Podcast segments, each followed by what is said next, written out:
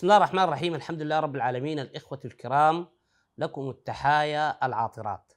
وبعد أن فرغنا من شرح وبيان إعجازية الرسم القرآني نأتي الآن إلى الشروحات التطبيقية. شرح المعاني المترتبة على اختلاف رسم الكلمة ذات المنطوق الواحد. وهي كثيرة لا تحصى ولا تعد وقد يفني الإنسان فيها عمره. يعني لو في حد عاوز يشتغل على منهجية الرسم دي فقط سواء كان تأليف كتب أو تصوير حلقات ما حينتهي. عمره بيكمل وهو شغال في الرسم القرآني. ولذلك حرصت أن أختار لكم بعض وإنما هي ثلاث أو أربعة تطبيقات. وحتى هذا الاختيار ما كان اختيار عبثي. وإنما تترتب عليه مفاهيم نستفيد من نتائجها في حياتنا الفكرية. اللي هو الموضوع اليوم المترتب على اختلاف رسم الكلمة ذات المنطوق الواحد مفهوم الصحبة في القرآن الكريم. صاحبه صاحبه صاحب. عندما تكون الصحبة في القرآن الكريم متسقة ومتوافقة ومتكاملة يعني جميع أركان الصحبة قائمة. صحبة زمانية ومكانية وصحبة فكرية واعتقادية. بمعنى الموصوفون بيكونوا أصحاب صحبة كاملة ليس بينهما أي اختلاف. يتصاحبوا زمانيا ومكانيا وفكريا. نجد أن القرآن يحذف ألف المد يعني كلمة صاحب بتجدها مكتوبة مكتوبة صحب والألف خنجري دلالة على الالتصاق والتكامل والتوافق بين الأصحاب. وفي المقابل عندما تكون الصحبة قائمة في الزمان والمكان فقط وفي اختلاف فكري بين الأصحاب يثبت ألف المد. فتجد كلمة صاحب مثبت الألف. قاعد كبير. بتشوف واضح في الرسم القرآني. ولو في اتفاق في التصورات الفكرية في صحبة زمانية لكن في اختلاف في المكان أيضا يثبت الألف. لا يحذف الألف إلا عندما تكون الصحبة كاملة متناسقة ليس فيها فوارق لا في الزمان ولا في المكان ولا في الفكر والتصور. ولذلك أصحاب الجنة أصحاب النار أصحاب الجحيم أصحاب القرية أصحاب الأيكة كلها في القرآن تجدها محذوفة الألف. لماذا؟ أصحاب الجنة. هؤلاء صحبة مكان في الجنة وصحبة زمان ومعتقدهم وتصورهم واحد وهو الإيمان الذي ارتقى بهم إلى الجنة. كذلك أصحاب النار أصحاب الجحيم والعياذة بالله أصحاب القرية أصحاب الأيكة. نأتي الآن إلى آية عجيبة وهي تصف الصحبة التي وقعت بين النبي عليه الصلاة والسلام ومن صاحبه في الغار. قال تعالى في سورة التوبة إلا تنصروه فقد نصره الله إذ أخرجه الذين كفروا ثاني اثنين إذ هما في الغار إذ يقول لصاحبه تجد الألف محذوف. لا تحزن إن الله معنا فأنزل الله سكينته عليه وأيده بجنود لم تروها إلى آخر الآية. إذ يقول لصاحبه صحبة زمانية مكانية فكرية عقدية متسقة. هذه أما عندما تكون الصحبة في مفارقة في التصورات والفكر نجد أن القرآن يثبت الألف. عندما تحدث عن الصحبة التي تقع بين الوالدين والابن في حالة عندما يكون الوالدين على ملة والولد على ملة أخرى. هي الصحبة المكانية الزمانية قائمة وهو قاعد معهم في البيت. يعني مش ولد ساكت ساكن معهم في نفس البيت. لكن إذا كان الولد على تصور وقناعات تختلف عن التصور والمعتقد الذي عليه الوالد هنا الله سبحانه وتعالى يثبت لك الألف. انتبهوا لدقة القرآن الكريم. قال تعالى وإن جاهداك على أن تشرك بي. هنا يتحدث عن من؟ يتحدث عن الولد والوالدين.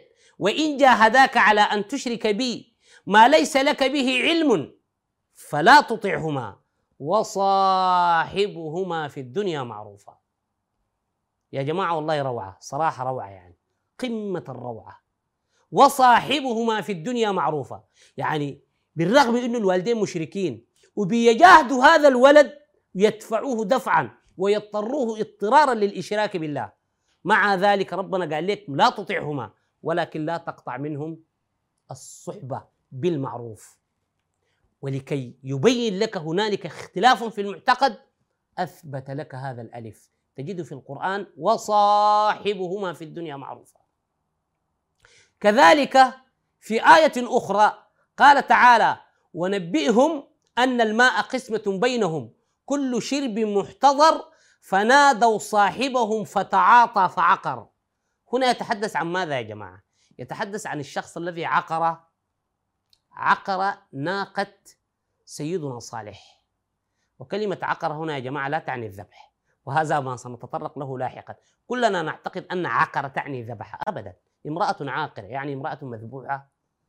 كلمة عاقر لا علاقة لها بالذبح الذي نفهمه لا من بعيد ولا من قريب وهذا سنفرد له الحديث فيما سيأتي. فنادوا صاحبهم فتعاطى فعقر. طيب هنا يا جماعة هذا الشخص الذي عقر ناقة صالح هو متفق معاهم في كل شيء؟ أول حاجة كافر زيهم يعني. وقاعد معاهم مصاحبهم في الزمان والمكان. إذا لماذا أثبت الألف؟ وأنا أذكر عندما تطرقت إلى هذه القضية تحديدا آه، في وقت سابق أحدهم جاء إلي بهذه الآية. يعني قال لي القاعدة بتاعتك دي بطلت. لأنه الشخص العقر ناقة صالح متفق معاهم زماني ومكاني وهو كافر زيهم وإلا لما عقر لماذا أثبت الألف؟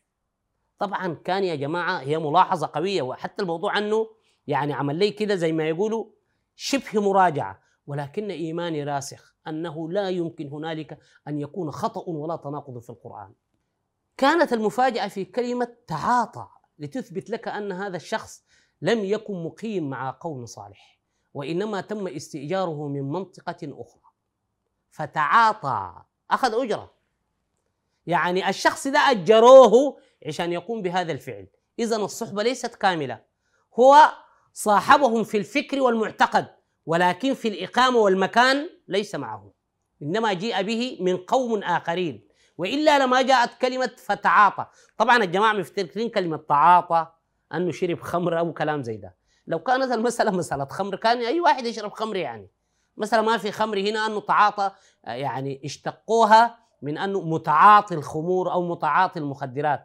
وده قبل نحن تكلمنا فيه أنه قلنا يا جماعة المصطلح عند البشر أو عند الإنسان اتفاقي اصطلاحي. لا كلمة تعاطي جاي هنا من العطاء. حتى يعطوا الجزية عن يد وهم صاغرون. جاي من العطاء. العطاء دفع فلوس عديل كده. يعني أجروه عشان يقوم بهذا الفعل. الآن نأتي إلى بيان هذه القضية في أروع مثال يمكن أن يتصوره العقل. وهو أن الله سبحانه وتعالى جاء بالقاعدتين في آية واحدة. يعني في آية واحدة حذف الألف تارة وأثبت عن صاحبين اثنين. وهو السياق البديع من سورة الكهف. واضرب لهم مثل الرجلين. جعلنا لأحدهما جنتين من أعناب وحففناهما بنخل وجعلنا بينهما زرعا. كلتا الجنتين آتت أكلها ولم تظلم منه شيئا وفجرنا خلالهما نهرا. وكان له ثمر فقال لصاحبه الألف لا توجد لأن الصحبة بينهما الآن قائمة على الاتفاق والاتساق. يعني ديل اثنين أصحاب. عقيدتهم واحدة منهجهم واحد عندهم جنتين مع بعض يعني هم جيران كل واحد عنده حديقة. فكان له ثمر فقال لصاحبه وهو يحاوره أنا أكثر منك مالا وأعز نفرا. أحد الأصحاب ديل بعد ما كانت الصحبة متسقة وهنا في القرآن نجدها بدون ألف حذف الألف الألف محذوف بدأ هذا الشخص يتعالى ويتكبر على صديقه. أنا أكثر منك مالا وأعز نفرا. ودخل جنته وهو ظالم لنفسه. قال ما أظن أن تبيد هذه أبدا. هنا شيخنا يا جماعة بدأ يكفر. بدأ يكفر عديل. قال ما أظن أن تبيد هذه أبدا وما أظن الساعة قائمة. ولئن رددت إلى ربي لأجدن خيرا منها منقلبا. ولئن رددت إلى ربي لأجدن خيرا منها منقلبا. هنا وصل إلى نقطة الصفر. يعني كفر كفرا بواح صراح أنكر قيام الساعة. هو يحاور في صديقه. طيب ماذا قال له الصديق الآخر؟ قال له صاحبه ستجدون الألف مثبتة. ليه؟ لأن الصحبة الزمانية والمكانية قائمة ولكن بدأ التجافي والافتراق في العقيدة. فذاك لم يزل مؤمن وهذا قد كفر وفارق المعتقد. قال له صاحبه وهو يحاوره أكفرت بالذي خلقك من تراب ثم من نطفة ثم سواك رجلا؟ هل نظرتم الآن إلى دقة الروعة في الرسم القرآني وإليكم أن تعلموا الآيات الثلاث التي تصف صحبة النبي عليه الصلاة والسلام لمشركي مكة في كل القرآن جاءت مثبتة الألف. لتبين لك أن الصحبة الزمانية والمكانية قائمة بين النبي والمشركين ولكن في تجافي في تباعد في العقيدة. تجد الألف مثبت. ما ضل صاحبكم وما غوى. والنجم إذا هوى ما ضل صاحبكم بتجد الألف. وما بصاحبكم من جنة بتجد الألف. وما صاحبكم بمجنون بتجد الألف. هذا هو الرسم القرآني. إذا يا جماعة نصل إلى نتيجة. أن لفظ الصحبة لا يحتم ضرورة الاتفاق في العقيدة والمنهج. يعني ما عنده مزية دينية. كلمة صاحب فقط ما عندها يعني مزايا دينية. يعني لا تحتم الصلاح في الدين أبدا. يعني ممكن تكون في صحبة وبيكون اختلاف في العقيدة. كما نظرنا على أن القرآن وصف مشركين مكة بأنهم من صحابة النبي.